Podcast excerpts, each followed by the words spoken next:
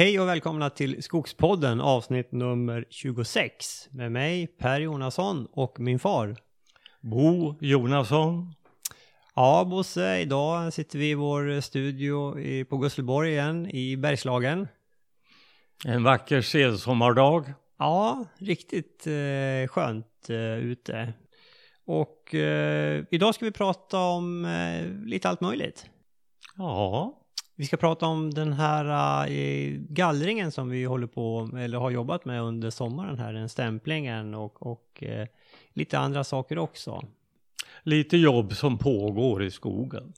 Lite, precis. Vi har ju pratat eh, gallring i början. Jag kommer inte ihåg om det var avsnitt tre tror jag det var. Då pratade vi ganska mycket gallring. Men nu har vi, nu har vi hållit på en hel del nu under en tid och det kan nog vara bra att ta upp och prata om det igen. Ja, Mm. Eh, innan vi gör det Bosse, vi har fått lite feedback ifrån vårt avsnitt nummer 24 när vi var nere i Kråksmåla och eh, träffade Ola Andersson bland annat.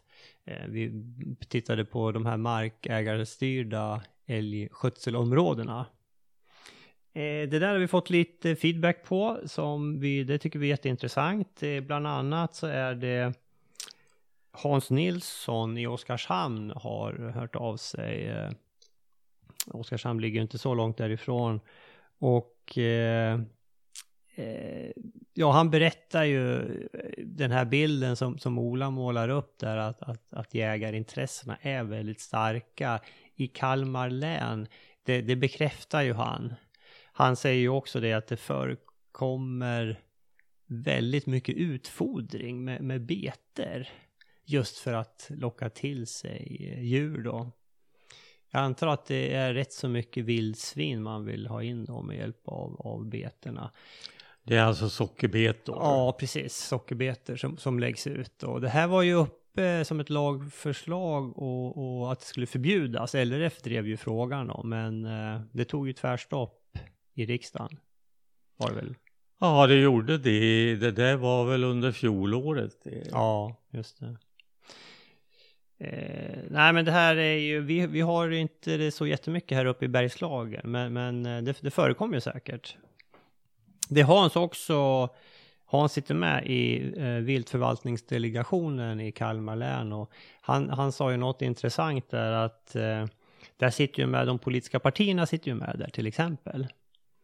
Och även andra, ganska många olika grupper sitter med. Nu har ju Carolina Skog då eh, har ju sett till att det har kommit in två personer till ifrån natur och fritidssidan eh, som gör att både jägare och, markägare, speciellt markägarna, blir försvagade i den här eh, organisationen. Eh, men det Hans påpekade, eh, det var ju att de här eh, representanterna från de politiska partierna, det består i Kalmar län av fyra av de fem folkvalda är aktiva jägare. Och det är ju, det är bra att det är engagerade naturmänniskor som sitter med, men det finns ju alltid en risk att det blir en vinkling åt jägarhållet när man är aktiv jägare. Man hoppas ju att det, blir, att det är fler markägarrepresentanter som, som är med och, och jobbar med de här frågorna. Och, och som sagt, i, eh, det är ju väldigt hö, mycket viltolyckor i Kalmar län. Och det, det är ju ett tecken på att ja, det är för mycket vilt. Helt enkelt. Ja. Nej, men eh, vårt intresse li ligger ju ligger ju i skogsproduktion och, och, och vi ser ju de svårigheter man möter när man försöker driva ett rationellt skogsbruk. Mm. Um, ett skogsbruk som är till nytta för alla. Alltså. Absolut. Och jag menar, det här måste man ju göra i samarbete med, med jägarorganisationerna förstås. För vi, är ju- vi är ju beroende av varandra. Det är väl bara att vi, det måste bli lite mera eh, nyanserad. Eh, lite, lite färre klövvilt helt enkelt. Jag pratade faktiskt precis med, med eh, Olle Granat också. Han har, han, har gjort, han har varit intervjuad i SVT och skrivit en del debattartiklar i tidningar här också. Att, att det är för mycket klövvilt eh, i skogarna i Småland. Och det han ser, eh, han, är, han är jägare, det han ser är att eh, slaktvikterna är väldigt låga. De har alltså sjunkit cirka 30, med, med cirka 30 procent. Alltså på, på kalvar då. Eh, som, som väger på tok för lite, som tyder på att det, det, finns för lite foder helt enkelt. Och då ska man ändå veta att, att Olle är ju jägarrepresentant och sitter med i EFOT. Så även han säger ju att eh, hela klövviltet, stammen måste minska. Nu, speciellt rådjur och eh, kronhjort. Älgen tyckte han att det var någorlunda kontroll på i Vimmerbyområdet. Men, men rådjur och kronhjort eh, mycket. Kronhjorten är ju, den är ju svårjagad och den går ju på granen och eh, förstör den. Ja, den gnager ju granbark mm. och det är ju helt förödande för trädet alltså. Ja. Eh, vi ska komma ihåg det alltså att eh, numera så planterar man väldigt lite tall på grund av risken för älgskador. Mm. Utan då planterar man gran istället. Och det här tar ju kronhjorten tacksamt emot. Ja. Nej, det är ingen, eh, det är ingen bra situation alls. Det är ju faktiskt också, jag tycker eh, Skogsstyrelsen Eh, med, med Herman Sundqvist i spetsen, de har ju börjat driva den här frågan mer och mer aktivt ser man. De har ett antal debattartiklar och nu senast så skriver Herman Sundqvist på sin blogg om just det här eh, han skriver att de störst, den största utmaningen, bland de största utmaningarna vi har nu i skogen är det kraftiga betestrycket från klövvilt.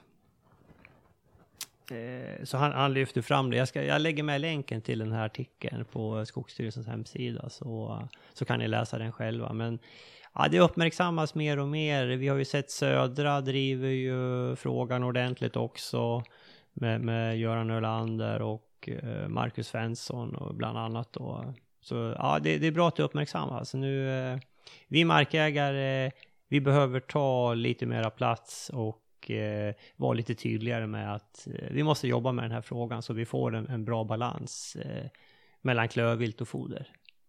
Mm. Ja, nej, eh, det, det här att med aktiva markägare i de här frågorna, det, det är väldigt viktigt alltså. Mm. Det är det. Ja, ja, nu höll vi på, vi hade ju en eh, artikel här också vi jag skulle nämna. Det är från den här tidningen Land Skogsbruk. Mm. Eh, så, och där var också en, en eh, älgrelaterad eh, fråga. Det är nämligen så att Länsstyrelsen i Västra Götaland eh, satte en, en, eller beslutade om en älgskötselplan i början på förra året, början på 2016. Men det här var alltså åtta markägare som överklagade den. Det gäller Tibro-området det här. Just det. Och eh, det var så att eh, man hade, i planen stod det att man skulle sikta på cirka åtta älgar per tusen hektar. Trots att eh, det var väldigt mycket betesskador, låga slaktvikter och eh, Dålig reproduktion. Dålig reproduktion, ja precis. Och det här insåg ju markägarna att det här funkar ju inte. Man kan inte ha så många älgar per hektar om man ska få förbättra älgstammen och få en balans. Så de överklagade. Naturvårdsverket, eh, eh de avvisade överklagan. Nej, ni får inte överklaga. Då gick man till förvaltningsrätten och i mars sa förvaltningsrätten, jo, markägarna får visst överklaga, för det här är faktiskt deras mark och de har ett bestämmande över den. Och nu i juli så upphävde Naturvårdsverket, de upphävde Länsstyrelsens beslut för de här två kommande jaktåren. Så nu måste Länsstyrelsen, med hjälp av EFOT ta fram en ny älgförvaltningsplan eh, för kommande två åren. Så det här var ju riktigt eh, bra jobbat av, av de här markägarna som satte ner foten och sa att nu, eh, nu får det vara nog. Ja, det här behövs på många ställen. Ja. Mycket bra. Mm. Mm. Nej, men det, det händer en hel del på området. Ja, det gör det faktiskt. Mm. Vi tycker oss ju under senaste året här har sett en eh, viss tillnyktring Mm. i de här frågorna. Mm. Mm. Vi ska ju komma ihåg det också att den här hårda betningen på, på våra skogsträd, det sänker ju den totala tillväxten. Ja. Och, och det stämmer ju inte med målsättningen om en eh, biobaserad ekonomi. Nej. Eh, vi behöver varje barr, varje löv i skogen som binder koldioxid. Ja, det gör vi ju. Och sen är det ju faktum att jag menar 70-80% av en skogsägares intäkter kommer ju från timmer. Och jag menar om, om älgen betar sönder tallen, ja, då, då blir det massa ved. Det blir inte timmer. Nej, nej det är ju i hög grad en ekonomisk fråga också. Visst är det det. Det är både och. Ja, nej men nu har vi eh, fått gnälla av oss lite grann på älgen eh, det här avsnittet också. Eh, Och jag måste bara upprepa det att det är ju som sagt, det är ju inte... Jag menar, vi, vi måste ju göra det här tillsammans med jägarna. Jägarna fyller ju en jätteviktig funktion och de, många är ju, de är ju superduktiga och vet, har mycket erfarenhet av det här. Och det är bara att vi måste få en balans. Det, är- det är ju det det handlar om. Balansen gynnar alla Det gynnar ju jägarna också. Och den framtida jakten. Absolut. Och det sa, det sa ju, pratade ju Ola mycket om att han hade ju väldigt bra samarbete med, lokalt med jägarna där. Så det, det var ju, det är ju kul att höra. Ja, vi ska ju snart åka ner på vårt eh, älgskötselområdesmöte eh, i Vassemåla här i, i eh, slutet på veckan. Så det, det blir spännande. Ja, Bra, nej men Bosse, ska vi hoppa in på och prata eh, gallring eller gullris? båda delarna. Ja, vad vill du börja med? Frågan är bara vad vi ska börja med, men vi börjar med gullriset. Ja, vad är det för något? Ja, en blomma, Jaha. eller flera blommor egentligen. Eh, men problemet gäller den kanadensiska gullriset, som är en, en invasiv art av allra värsta sort. Alltså. Och vad är en invasiv art? En som kommer utifrån och invaderar oss. Och det här är en problematisk blomma. Mm. Eh, det är, eh, så här långt så är det framförallt eh, så är det framförallt igenväxande jordbruksmark där den här blir riktigt talrik Ja. och bildar täta höga bestånd. Kan säkert bli uppemot två meter höga och väldigt, väldigt täta Mm. och eh, tillåter ingen annan konkurrens. För, för eh, allting där de här etablerar sig försvinner. Mm. Eh, och de är till och med på väg ut i skogsmarken. Jag har upplevt ett ställe i Närke. Det var alltså före detta jordbruksmark som, där björk hade tagit över. Och det var gallrad björk. Men under det så var det ett sammanhängande täcke av kanadensisk gullris. Mm. Och jag frågar mig hur man ska få upp en ny skogsgeneration efter den nuvarande. Ja. Det finns ingen eller granplanta, ingen björkplanta, ingen lärkplanta, ingenting som kan konkurrera med den här växten. Nej. Eh, jag ska säga det att förväxla inte det här nu med det skandinaviska eller europeiska gullriset. Mm. Som på latin heter solidago virgaurea. Eh, det här kanadensiska är också en solidago canadensis heter den. Mm. Eh, och den är mycket högre och mycket besvärligare. Mm. Eh, det här är lätt att hitta en beskrivning eh, av det här på den virtuella floran. Ja. Men hur är det? Alltså, åtminstone förut tror jag det här såldes i, till och med på eh, plantskolor. Men det kanske man har slutat med. Eh, Det tror jag inte, utan det kan man säkert göra. Mm. Och nu pågår i alla fall en spridning utifrån trädgårdar av den här. Ja. Och här på Gusselborg har jag hållit på med i jag, jag uppskattar det nu i efterhand till 8 till 10 år Mm. och bekämpat den här blomman runt vårt gårdscentrum. Ja. För gullriset höll på att ta över helt. Oj. Och ursprunget kan ha varit en liten rabatt av sånt här som planterades i den förra ägargenerationen. Ja. Det kan vara så illa alltså. Ja, ja. Eh, Nu har vi fått det gårdsnära här så har vi det här under kontroll. Ja. Men i övrigt i Gusselby och Lindesbergsområdet, den här dominerar faktiskt Mm. platser i landskapet. Ja. Och det värsta är då när den invaderar skogen. Så sent som för några dagar sedan så åkte jag en vägslinga i skogen. Och de här jädrans blommorna, de etablerar sig på vägkanten. Mm. Ehm, jag vet inte riktigt hur det går till, men kanske vi människor får med oss lite frön av det här ut i skogen. K- kanske bilarna, kanske kör man ut lite trädgårdsavfall och kastar det i skogen. Ja. I vilket fall, jag tror på en slinga på, vad är den, två, tre kilometer lång kanske. Ett 40-tal blommor. Så pass? Ja. Och de, då, jag menar, det, det här har inte funnits förut eller?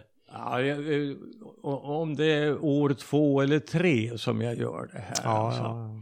Ja. Och, och det här är ju fortfarande glest, men alltså etablerar de sig så kommer vi inte att rå på dem. Alltså. Nej. Nej. Nej men de verkar ju ta över all. Jag såg ju, jag var ju i Karlsborg i helgen och jag såg ju de här va- fästning, alltså vallarna in till, till fästningen. På vissa områden, det var helt gult av det här guldriset. Ja. Ingenting annat eh, kommer upp där. De sprider sig alltså väldigt effektivt, dels med jordstammar, Ja. och de är ju perenna. Just det, det, är ju, det är ju viktigt Så de kommer ju tillbaka år efter år. Jajamän.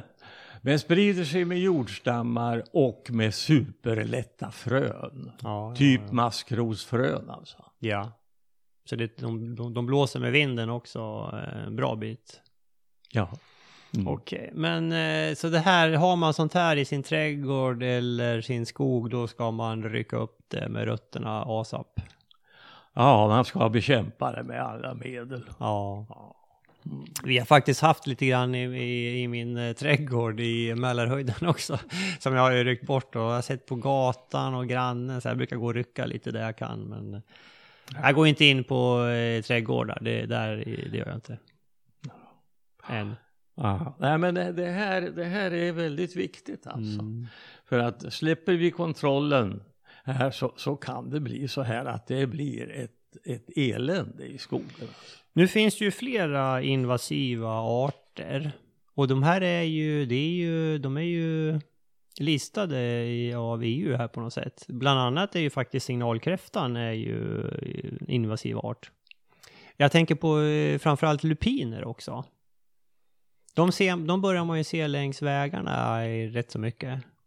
Ja, men, men alltså de har inte alls, det, det är inte alls så farligt som, som det här guldriset. För det första så sprider sig lupinerna inte alls på det här sättet. De har inga lätta frön inte, utan tvärtom, det är ganska tunga frön. Ja. De ramlar mer eller mindre rakt ner. Ja. Och eh, jag ser inga lupiner ute i skogen. Nej. Utom de jag har sått, för det har till och med förekommit. Och det är jag inte ett dugg rädd för. Nej. Alltså.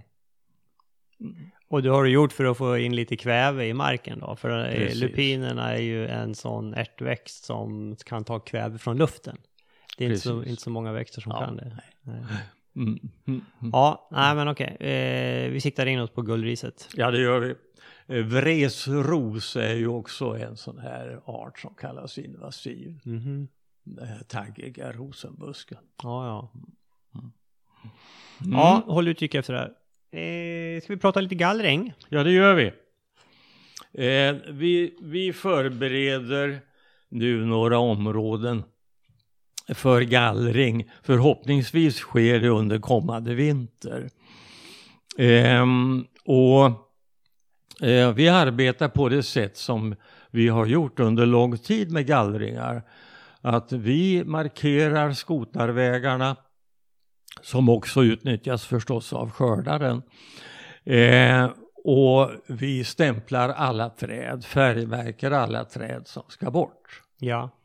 Det här är eh, ett ganska ja, ambitiöst och jobbigt sätt att sköta skog. Mm. Men vi vet att det blir bra. Eh, Vi fortsätter alltså den här selektiva skötseln som börjar med, med röjningar och sen fortsätter med den här typen av gallringar. Där vi verkligen strävar efter att producera bra sågtimmer. Mm. Men eh, alltså det här att dra vägarna och stämpla varje träd som ska bort.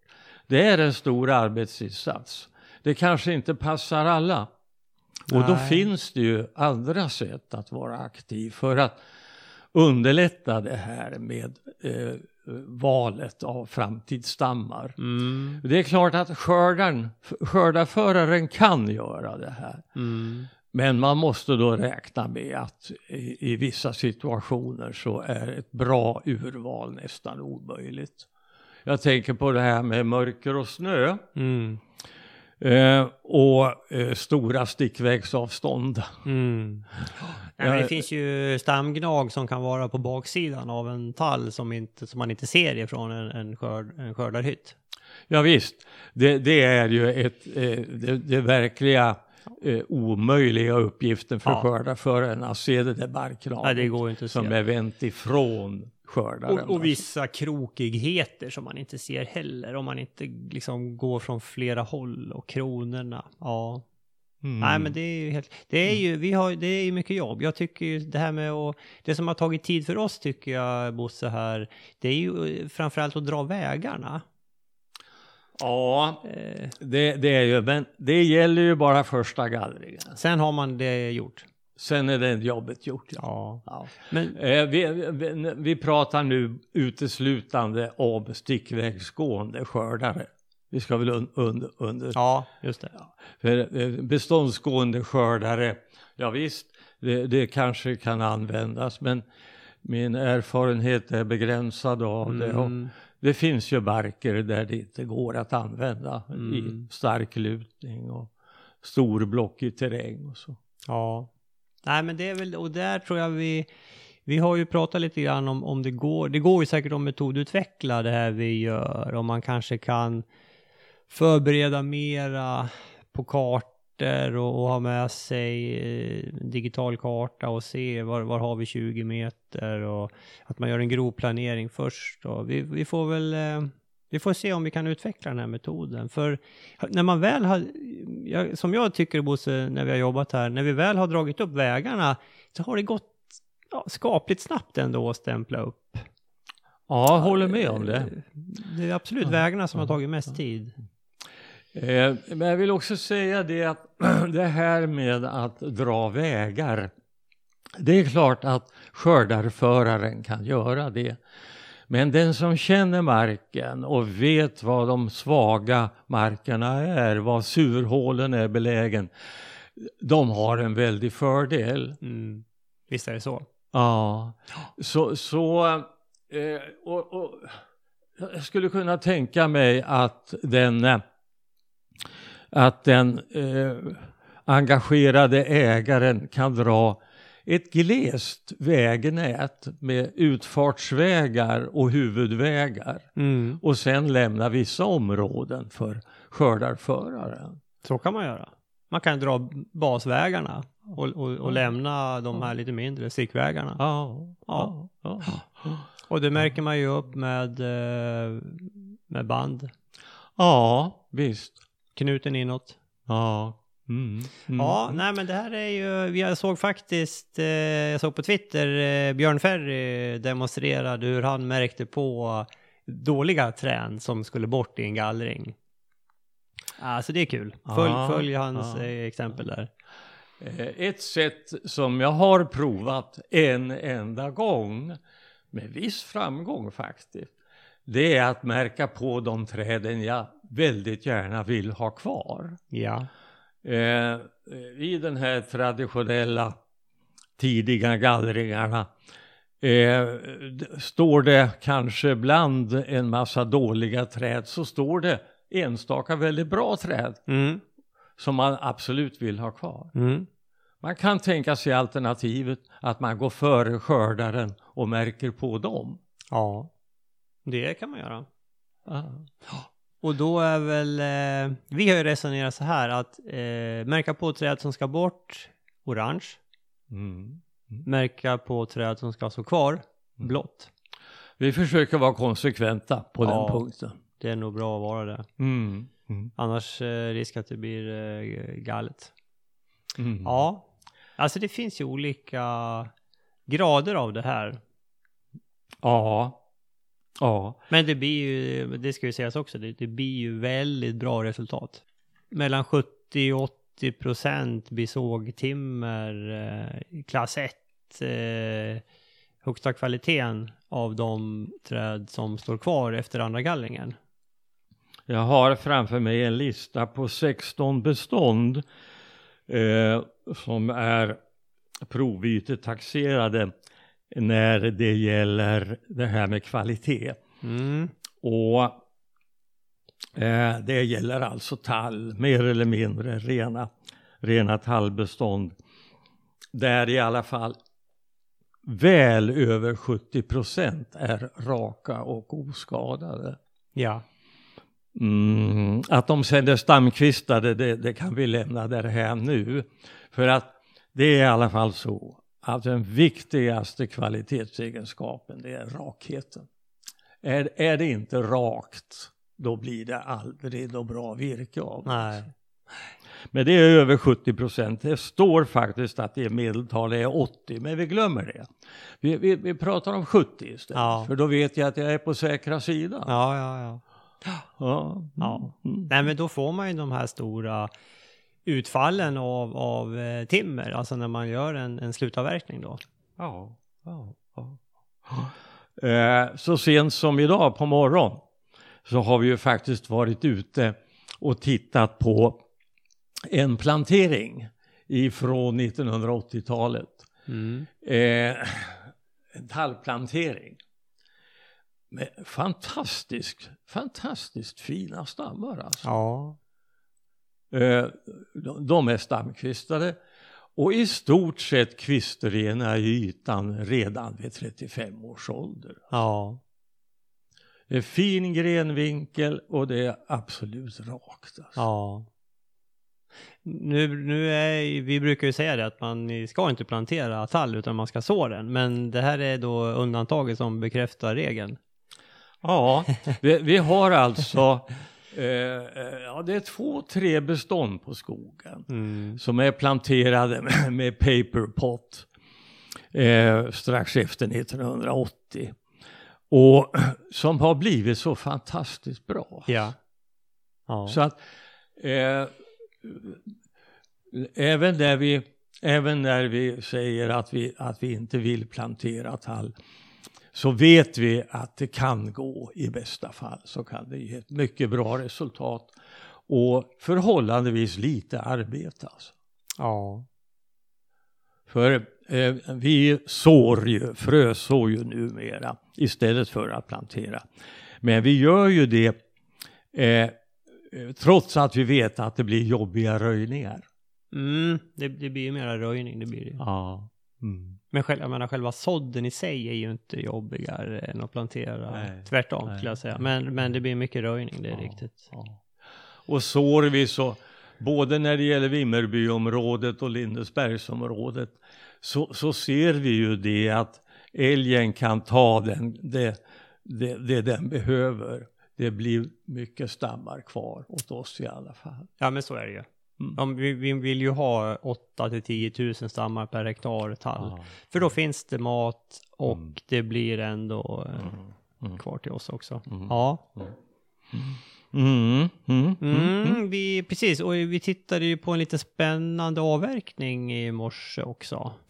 Ja, faktiskt. Faktiskt. Det är förhållandevis nyinköpt skogsskifte som ligger i gräns med vår övriga skog. Eh, har väl inte skötts enligt läroboken riktigt i förra, förra ägaren. Eh, men det var är underväxande gran. Mm. Och överbeståndet är ett glest bestånd av björk och tall och gran. Och ganska mycket rönn var det ju där också. Ja, förvånansvärt mycket rönn. Och de här, de här överståndarna nu, allt utom rönnarna, kommer att avverkas med slutavverkningsskördare. Mm. Eh, och eh, eh, vi kommer sen, när det här är gjort, så kommer vi att ha en, en ny generation som är ja, fem, sex meter hög i genomsnitt. Ja, Den får en flygande start alltså. ja. Det här är, det här är ett viktigt bidrag till ett lönsamt skogsbruk alltså. Ja. Nej men det, är det. Det, blir, det här blir spännande att prova. För här, är, här har den ju verkligen kommit upp ordentligt, granen, under. Ja. ja. Vi har ju testat det förut, men då kanske granen har varit lite lägre. Här är den ju träd liksom.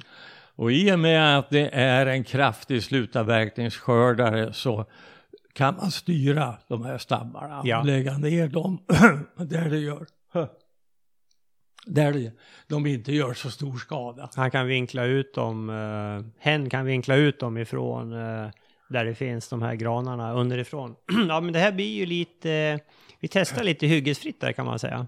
Hur sa du? Vi testar lite hyggesfritt. Ja, kan man säga. Det blir en successiv övergång mellan skogsgenerationerna. Ja. Mm. Ja men det, det här kommer ju att ske rätt snart så vi kan väl under hösten eh, komma tillbaka i podden och berätta hur det blev efteråt. Ja, det gör Eh, vi. Det här är ju, ja, det blir lite nytt för oss också. Mm. Ja, det är skojigt. Mm. För det är, inga, det är, det är ju stora björk och, och gran och tall som står där innan liksom. De är ju riktigt kraftiga. det här är ju tallarna och granarna där. De är väl eh, åtminstone hun- ja, de är i hundraårsåldern skulle jag tro. Ja, 27, 28 meter kanske? Ja, de, de, ja, kan de nog vara, ja. Mm. Mm. Mm. Mm. Mm. Ja, Ja, ehm, vad hade vi mer? ja, om vi ska säga någon mera om det här med alternativ skötsel, alltså istället för att göra de här noggranna planeringen med vägdragning och stämpling. Så vi har eh, några tallungskogar i, eh, som nu har nått över älgsäker höjd. Som vi har röjt under det här, ja, ett, åtminstone två bestånd har vi röjt under det här året. Och där gör vi det här urvalet av huvudstammar redan i röjningsstadiet. Ja, Och eh, de här huvudstammarna då, de markerar vi. Eh, man kan tänka sig att, att, anbringa, att eh, färga blått. mm. Man kan också sätta på ett band, plastband då. Ja, Och sen har man alltså gjort ett stamval redan i det här stadiet. mm. Och då blir ju stegen därpå blir ju enklare. Det blir betydligt enklare och då behöver det inte vara engagerade ägare som gör det. Utan har man gjort det här viktiga stamvalet i röjningsskedet så kan man eh, ha, eh, ja, låta entreprenörsröja mellan de där. Ja. Ja. Ja, för då, då är det tydligt vilka som ska vara kvar. Ja. Ja. Man har gjort ett stamval Mm. som gäller i alla fall fram till första gallringen. Ja. Ja, ja, ja, precis. Nej, men det, det ser man ju nu när vi, när vi stämplar de här gallringarna. Så fort man kommer till en stamkvistad tall, då är det ju ganska enkelt. För då vet man att ja, men den här ska stå kvar och de träd som, som hindrar den eller begränsar det trädet, ja, de tar vi bort. Mm. Mm. Mm. Ja. Vi ska också säga det att, att i våra röjningar så gör vi en grej till som kanske är lite ovanlig. När vi kommer till grupper där alla träd är betade eller barrknagda. Mm. Vi lämnar den gruppen helt enkelt. Den får stå där och producera massa ved bäst den kan. Ja. Vi lägger inte det något arbete på det. Nej. Det behövs inte. Nej. Nej, men det får bli en massa vedgrupp. Ja, det får det bli. Mm. Du Bosse, när vi ändå pratar gallring och stamurval. Kan du nämna någonting om hur du tänker när det gäller, alltså hur tätt kan man lämna tallen respektive granen? För där finns ju en, en, en viss skillnad. Jaha. När de här bestånden är färdiggallrade, 55-årsåldern, sådär ungefär, Mm. så eh, står det i våra granskogar så står det tusen stammar per hektar. Mm. Det är mycket. Det är tätt. Och, och, och det, det, står, det, det ser väldigt tätt ut upp i 50, 60, 70 års åldern. Ja. Men det har sina fördelar för så där tät granskog den är stormfast. Ja. Plus att granen verkar ju klara av den här konkurrensen ifrån sin granne på ett helt annat sätt än vad tallen. Jag menar den växer och blir, blir stor ändå. Ja, nej men vi har förhållandevis stora arealer alltså.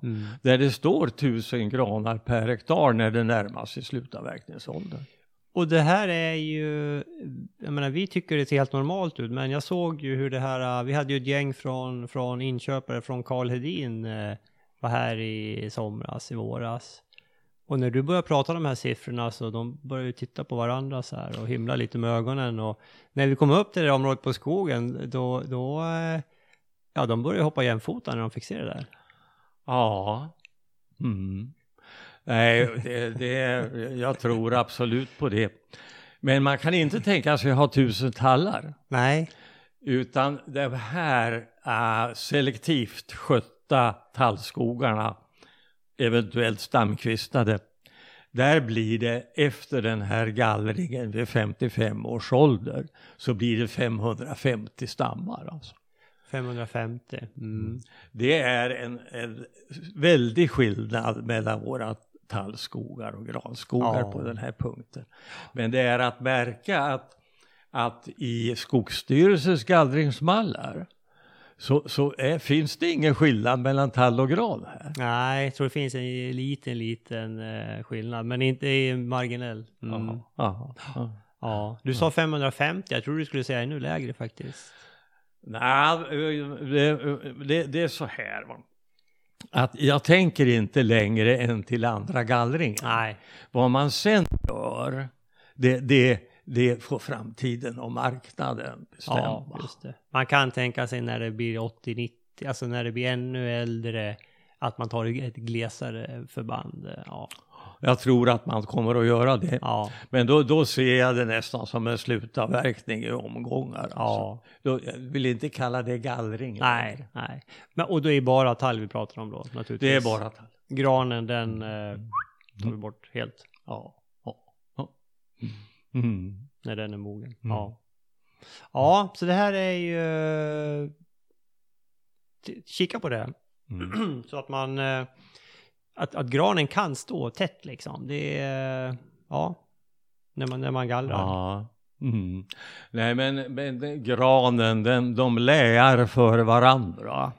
Det gör de, ja. Och sen tål de ju skugga på. Det är ju ett sån sekundär träd eh, till skillnad Ja. från tallen. Tallen behöver ju ljus. Mm. Det behöver ju inte granen på samma sätt. Ja. Eh, en sån här granskog i hård vind, det, det, det är spännande. För kronorna, kronorna krockar och dämpar eh, rörelsen. ja. Mm. Ja. Här borde filmas. Ja. Jag har försökt men inte, inte lyckats. Nej. Mm, eh, eller överhuvudtaget dokumentera det. Alltså. Mm. Mm. Nej men ja precis.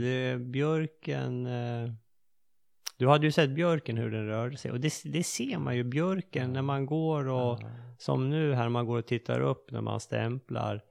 en, bj- en hög björk, den har lång räckvidd. Man ser att den påverkar många träd runt omkring.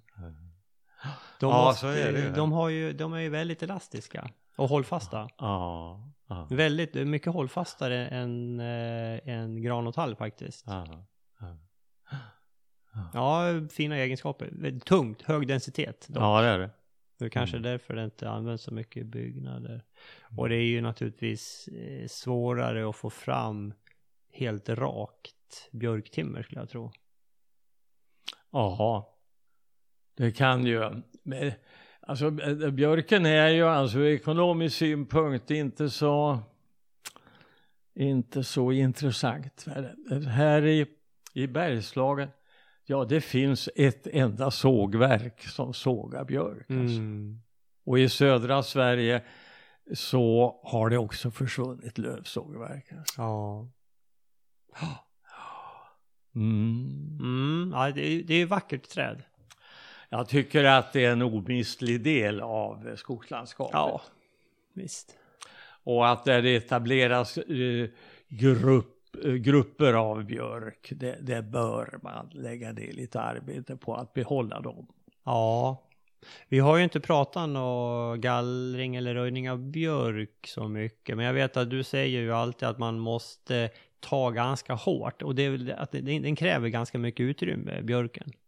Om dimensionen ska utvecklas Mm. så, så, så krävs det bra med utrymme. Ja, jag brukar få gå tillbaka och röja mera när vi har röjt första gången. Ja, Mm.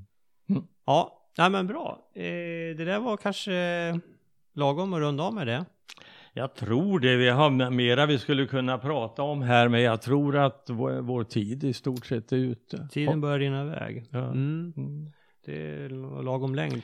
Ska vi säga något lite grann om ekonomin? Ja, Eh, vi har alltså ett, en, en pågående bra sågverkskonjunktur.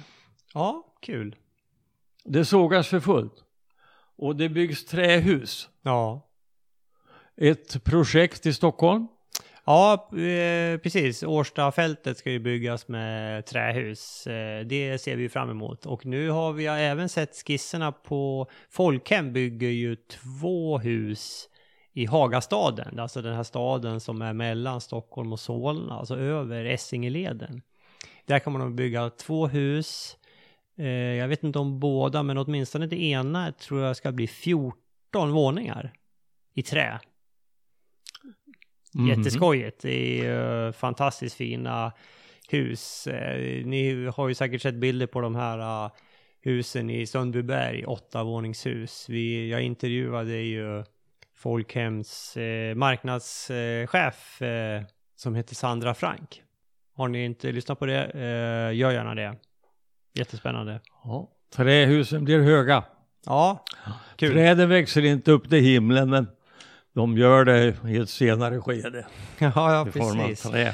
Och där kan man ju räkna med att de eh, lagrar eh, kol, kol också i ja, minst hundra år i varje fall. Kanske ett par hundra En- år.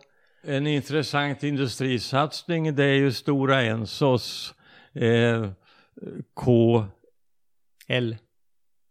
KL, Korslimmat. korslimmat trä i, i gruvan. Ja, Och, och det är ju en produkt som är inriktad på eh, husbyggnation i trä. ja. Nej men det är jätteskojigt och det, ja, det, det kanske är eh, den här Storas fabrik och, och det här Årsta-projektet. Det, det är kanske det som behövs för att liksom eh, sätta lite fart på det här. För det, är, det måste ju finnas en sån otrolig potential att utveckla träbyggnad i Sverige. Det, jag tror vi har bara sett början på det här. Och jag hoppas att det här kan vara gnistan som, som eh, sätter fart på det. Och det här, är ju, det här talar ju för att man ska producera bra sågtimmer framöver. Alltså. Ja men så är det ju. Absolut. Vi kom, vi, det kommer alltid fram massa ved som, som eh, massabruken kan använda. Det, det, det får vi på köpet. Men Mm. för, för den småskaliga skogsägaren som vi så är det ju timmer som, det är ju där pengarna finns för oss. Men helt klart. Massaved är en biprodukt. Ja, som, som vi får ändå. Eh, priserna för när, när, vi, när vi säljer eh, trä här ifrån skogen i höst. Vi kan ju räkna med att vi får lite, lite bättre betalt än förra året. Ja, men det har vi ju sett. Mm. Eh, Det verkar som att samtliga höjer priserna lite grann. Ja, mm. Mm. timmerpriserna har ju gått upp. Ja, Ja, ja. Och det är ju väldigt viktigt nu att sågverken får tjäna pengar. Därför att vi i skogen, vi är beroende av en stark sågverksindustri mm. som kan betala. alltså. Så. ja. Så är det. Ja, Bra! med detta sagt. Med detta sagt så eh, sätter vi punkt och eh, vi tackar våra lyssnare förstås. Eh, följ oss gärna på sociala medier. Twitter, Instagram och Facebook. Och vi... Eh, nu kommer vi, nästa avsnitt kommer vi släppa redan om två veckor faktiskt. För det, det passar vår planering lite bättre inför hösten. Så om två veckor kommer nästa avsnitt. Mm. Fredag 8 september. Ja, stämmer. Ja, Till dess, eh, ha det så bra och tack för att ni lyssnar. Hej så länge! hej från mig också.